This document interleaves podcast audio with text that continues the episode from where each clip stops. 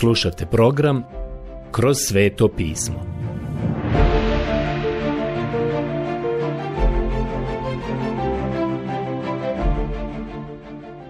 Knjiga Izlazak Odlomak Izlazak Poglavlje 36 i poglavlje 37 Prijatelji, danas dolazimo do 36. i 37. poglavlja knjige Izlaska i ponovo se vraćamo na instrukcije koje je Bog dao u vezi šatora sastanka. Kao što vidite, on nam neće dopustiti da pobjegnemo od toga. Izgradnja šatora sastanka Ranije smo imali instrukcije kako izgraditi šator sastanka. Sada vidimo da ga grade prema tim instrukcijama. Kao što piše u našoj knjizi, šator sastanka je Božji portret koji nam otkriva Krista. Otkriva njega. Mi sada želimo to pogledati i vidjeti cjelokupnu sliku. Ja ću sada početi čitati. Tako neka izvedu dijelo Besalel i Oholijab i svi umjetnosti vični ljudi kojima je gospodin dao umjetničke mudrosti i uviđavnosti, tako da znaju izvesti sve svetištu potrebne radove točno onako kako je zapovjedio gospodin. Knjiga izlaska 36.1 Praktično cijela ta ekipa. Ne osuđujem se govoriti o njihovom broju, ali mora da je u pitanju bio veoma velik broj ljudi koji su bili angažovani u izgradnji šatora sastanka. Glavni čovjek je bio Besalel. Ja ću sada pročitati drugi stih. Na to pozva Mojsije Besalela i Oholijaba i sve umjetnosti vične ljude, kojima je bio gospodin udijelio osjećaj za umjetnost, sve koje je na to gonilo njihovo srce, da se prihvate dijela i da ga izvedu. Knjiga izlaska 36.2 Želim da ovdje primijetite nešto što je veoma važno, a bitno je za dijelo gospodnje. Ukoliko ste objeručke prihvatili službu u svojoj crkvi, vjerovatno vam je neko došao i zamolili su vas da budete džakon. A vi ste rekli, dobro, ako ne možete naći nekog drugog, onda ću ja to učiniti. Ili ste upotrijebili isti izgovor kad su vas zamolili da predajete u nedjeljnoj školi ili da pjevate u crkvenom horu. Ok, učinit ću to. Znate taj stav. Ako je to način na koji to namjeravate učiniti, onda nemojte to učiniti. Bog tako nešto ne može koristiti. To nije dobro za njega. Ovdje smo čitali o ljudima koji zapravo trebaju izraditi ove prekrasne predmete koji će se koristiti. A to nije bio posao kojim se oni bave. Oni ne gledaju na sat, ne pripadaju sindikatu. Oni ne rade samo određeni broj sati tjedno. Oni to ne rade samo zato što je to dužnost. Ne rade to zato što moraju. Bili su robovi, a sada opet robuju. Kako oni to robuju? Oni sada robuju jer to žele. Prije nisu htjeli, Sada to rade jer su svim svojim srcem u tome. I to je način na koji vi trebate raditi Božiji posao. Imao sam mladog propovjednika koji mi je došao i rekao sljedeće. Znaš, rekao je, volim služiti, ali jednostavno ne volim propovijedati. Jednostavno me nije briga za to. Ja sam mu predložio da napusti službu. Rekao sam, služba nije mjesto za čovjeka koji ne voli proučavati riječ Božju, i ako to ne možeš činiti s entuzijazmom i dijeliti riječ s entuzijazmom, onda ti to i ne bi trebao raditi. Slušao sam jednog drugog propovjednika, mladog propovjednika. Bio je moj student i on mi se puno zahvaljuje, ali ne bi trebao. Ne želim zasluge. Slušao sam ga kako propovjeda. Kakva gnjavaža, kakav napor, kakav nedostatak entuzijazma. Moj prijatelju, Zašto to radiš ako to ne možeš činiti sa revnošću i entuzijazmom i sa velikom dozom elana, snage i živosti? Ako toga nemaš, onda to nemoj činiti. Bog to ne želi. Zapazite kako Besalel to čini. Možete ga zamisliti kako govori o tome sa žarom i kako žuri na posao. Kažete, kuda on tako žuri? Na neku futbalsku ili košarkašku utakmicu, ili na neki društveni događaj. Ne, on ide na posao. On to radi za gospoda. I znate, kad bi na takav način, sa takvim žarom i entuzijazmom ljudi došli u crkvu sljedeće nedjelje, u vašu i u moju crkvu, kada bi došli na takav način, cijeli grad bi došao vidjeti što se to dešava u crkvi. Bilo bi to pravo probuđenje. Božje dijelo treba obavljati s entuzijazmom, moramo raditi stvari na takav način, a to je pravo kršćansko ponašanje. Iskreno, ja mislim da je to jedina stvar koju trebamo učiniti. Moramo to učiniti s entuzijazmom. Apostol Pavle je rekao u poslanici Rimljanima u 14. poglavlju u 5. stihu sljedeće. Svatko neka je uvjeren za svoje mišljenje. To je način na koji treba činiti bilo šta morate biti potpuno uvjereni u to što činite. Radim ovo jer želim to raditi, nestrpljiv sam da to učinim. Ja o meni, kaže apostol Pavle, ako ne propovijedam evanđelje. Prva poslanica Korinčanima 9.16. Ovo je nešto što ja želim učiniti.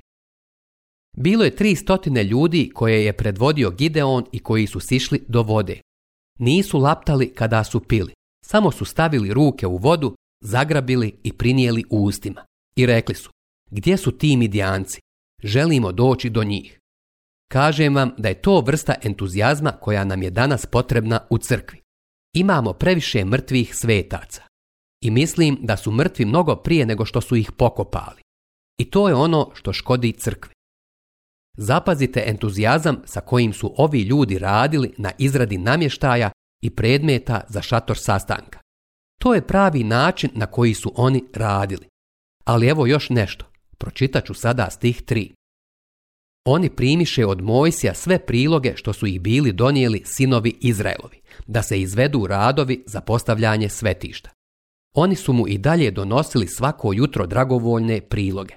Tada dođoše svi umjetnici koji su bili zaposleni na radovima za svetište, svaki od rada kojim je bio zaposlen. Knjiga izlaska 36, 3 do 4. Poslušajte sada ovo. Evo stiha koji će vas iznenaditi. I rekoše Mojsiju. Narod donosi puno više nego što treba da se izvede ono što je gospodin bio zapovjedio da se učini. Knjiga izlaska 36, 5. Ovo je jedino zabilježeno mjesto, koliko ja znam, da su morali zamoliti ljude da prestanu davati, već su donijeli više nego što im je bilo potrebno. Nikad prije nisam čuo za takvo nešto. Ovo je stvarno čudo imati toliko priloga. Narod je donosio previše. Zato je dade da se oglasi zapovjed u taboru. Ni čovjek, ni žena neka više ne donose priloga za svetište. I narod prestade donositi darove. Knjiga izlaska 36.6 nisu bili poticani da daju, bili su zaustavljeni i bilo im je rečeno, donijeli ste dovoljno. A u, prijatelji, to je nevjerovatno. Molim vas, sjetite se da su ti ljudi upravo izašli iz ropstva. Nikad prije nisu imali ništa svoje. I sad biste pomislili da bi se oni grčevito vezali za to što imaju i da ne bi dali. Ali oni ovdje daju velikodušno i daju radosno Ovdje vidite da šta god radite za Boga, morate to činiti s entuzijazmom. To je način na koji on želi da se rade stvari. I to je način na koji on želi da se daje. Tako treba davati. Postojala je jedna izreka prije mnogo godina. Daj dok te ne zaboli. Ali Bog kaže, ako boli, nemoj da daješ. Ali ako vam pomaže i čini vas radosnim, onda dajte. To je način na koji bi Božije dijete trebalo davati za gospodnje dijelo. Činite to s radošću. Ovo je nešto što i danas zaista treba činiti s entuzijazmom. Čak i žrtvu treba činiti s velikom radošću. Trebali bismo davati na takav način. Ovdje vidimo da su oni bili zaustavljeni u davanju. Previše su davali. Ponekad čujem svjedočanstva. Čuo sam nedavno o jednom misionaru koji je rekao da su imali određeni projekat i da su molili gospoda da pošalje novac. Ubrzo im je došlo tačno toliko novca da se realizuje taj projekat. I naglasio je da je bilo tačno onoliko novca koliko im je bilo potrebno. Ni dolara manje, ni dolara više. Rekao je i da je to dokaz da je Bog u tome. Mogu li vam reći da je dobio nekoliko stotina dolara više, onda bih se složio da je to od Boga.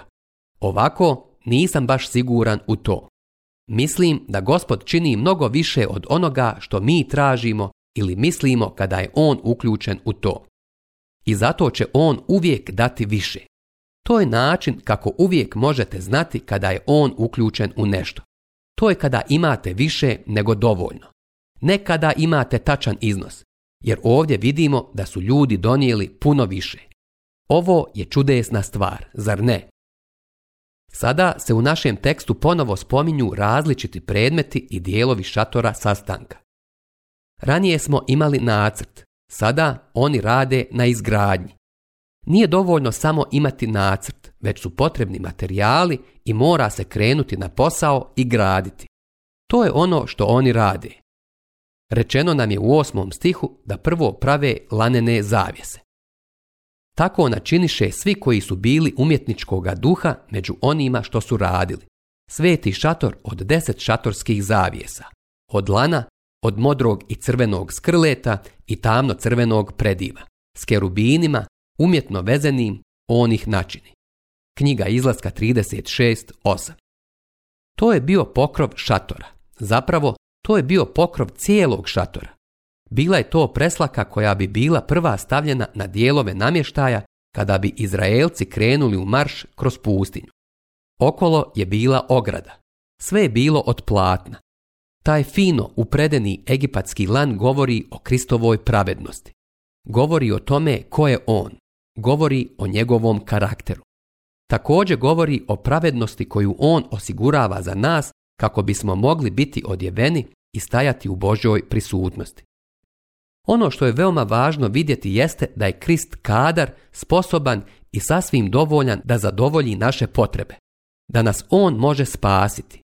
Primijetit ćete da se mnogo puta kaže On je kadar, On može učiniti.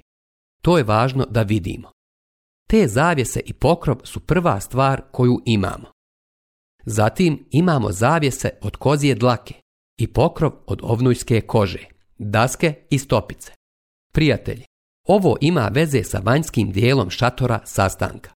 Kao što sam već rekao, ja sam se u svojoj knjizi bavio namještajem u šatoru sastanka, ali vjerujem da svaka ni, svaki komad užeta, svaki stub, svaka boja, sve to na ovaj ili onaj način govori o Kristovoj osobi.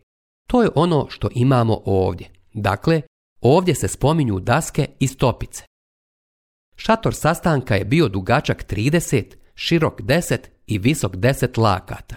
Bio je napravljen od bagremovog drveta, a te daske bile su obložene zlatom i bile su široke 1,5 lakat. I na maršu kroz pustinju bili su vrlo teški za nošenje i otkrićete da su ih nosili u kolima.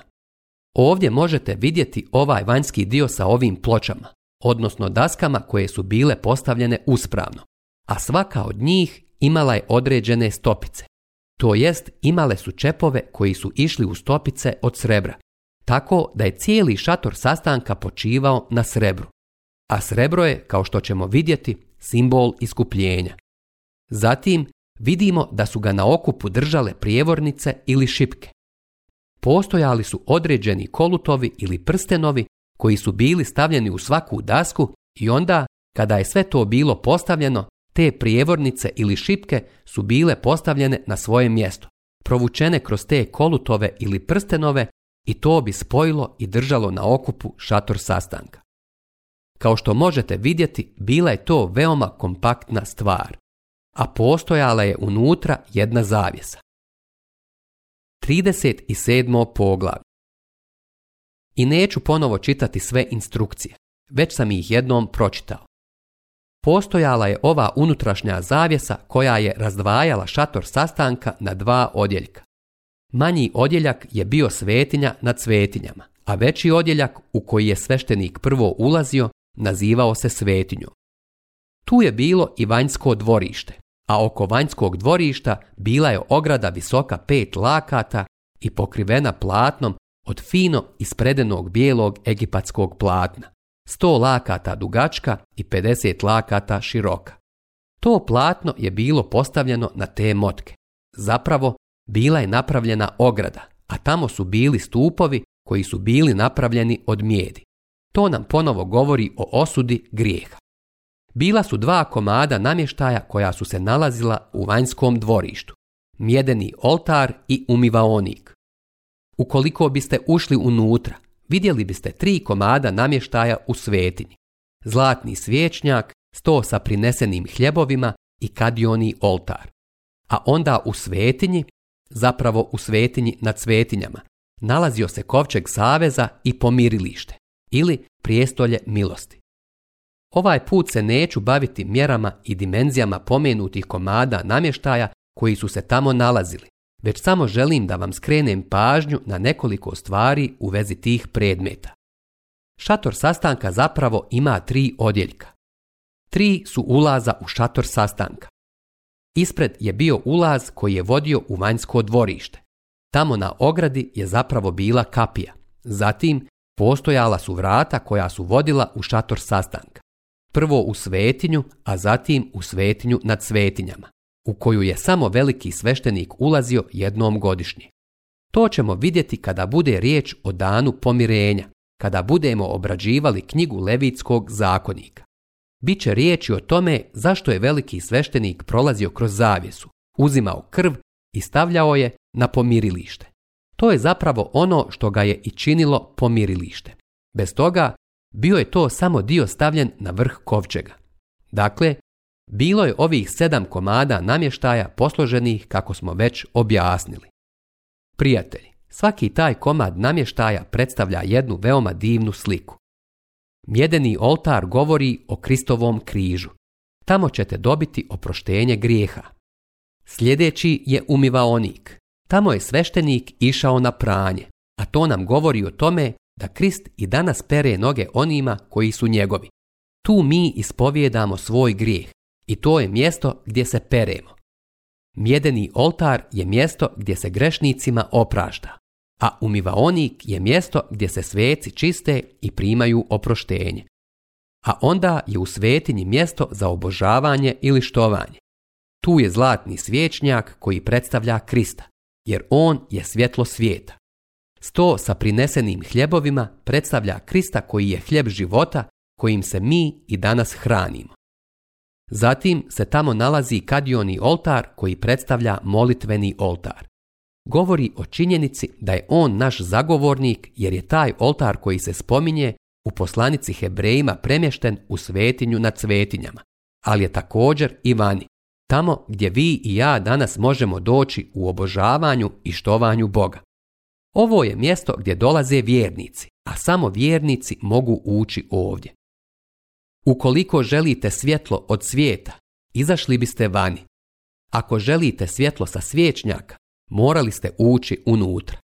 Prijatelji, ukoliko želite služiti Kristu, onda ne hodate prema mudrosti ovoga svijeta, već hodate po svjetlu riječi Božije. Ukoliko se hranimo sa stola sa prinesenim hljebovima, to je onda obožavanje i štovanje. Kada se molimo, ta naša molitva ima veze sa slavljenjem Boga i zahvaljivanjem njemu. Ima veze sa traženjem. Ima veze sa ispovjedanjem. To su stvari koje imaju veze s bogosluženjem i štovanjem. I sve se to veže za svetinju.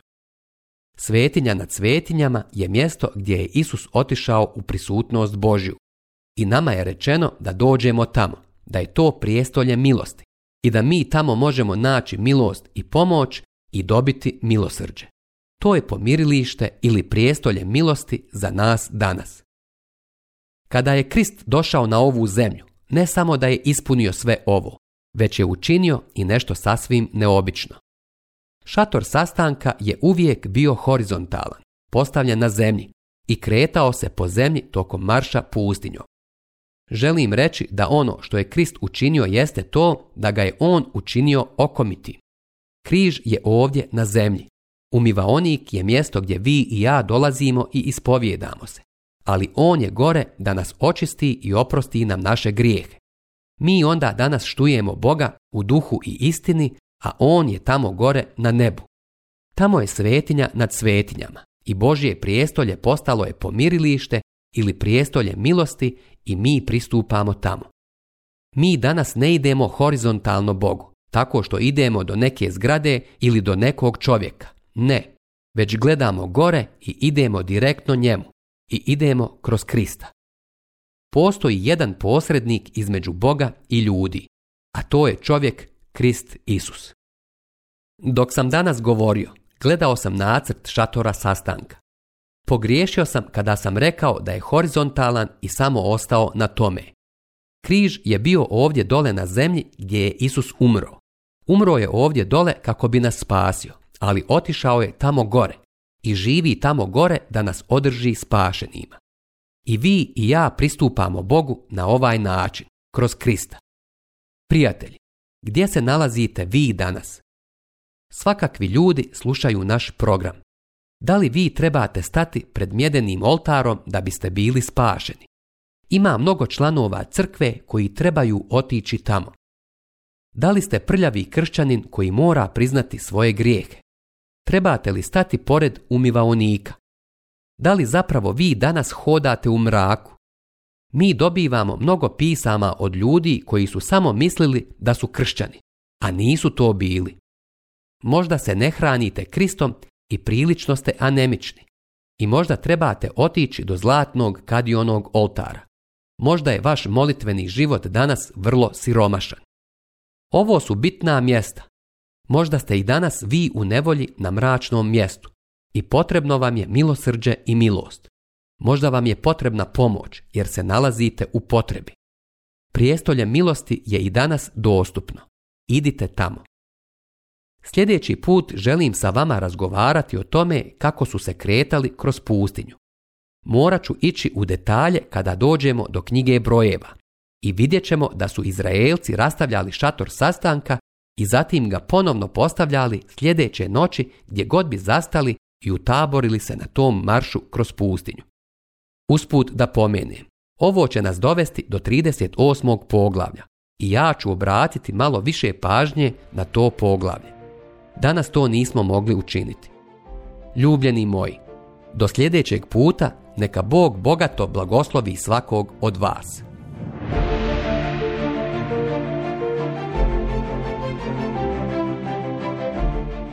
Slušali ste emisiju Kroz sveto pismo. Možete nas slušati i na našem YouTube kanalu, putem mobilne aplikacije, te na svim glavnim podcast platformama kao što su Google, Apple i Spotify. Ako vam se naši programi dopadaju, preporučite ih i podijelite s drugima budite slobodni da ostavite svoj komentar ili nam pišite na našu e-mail adresu kroz svetopismo.bih at gmail.com Zapratite našu stranicu kroz sveto pismo BiH na Facebooku i na Instagramu. Emisije iz ove serije možete pronaći na našoj stranici ttb.twr.org.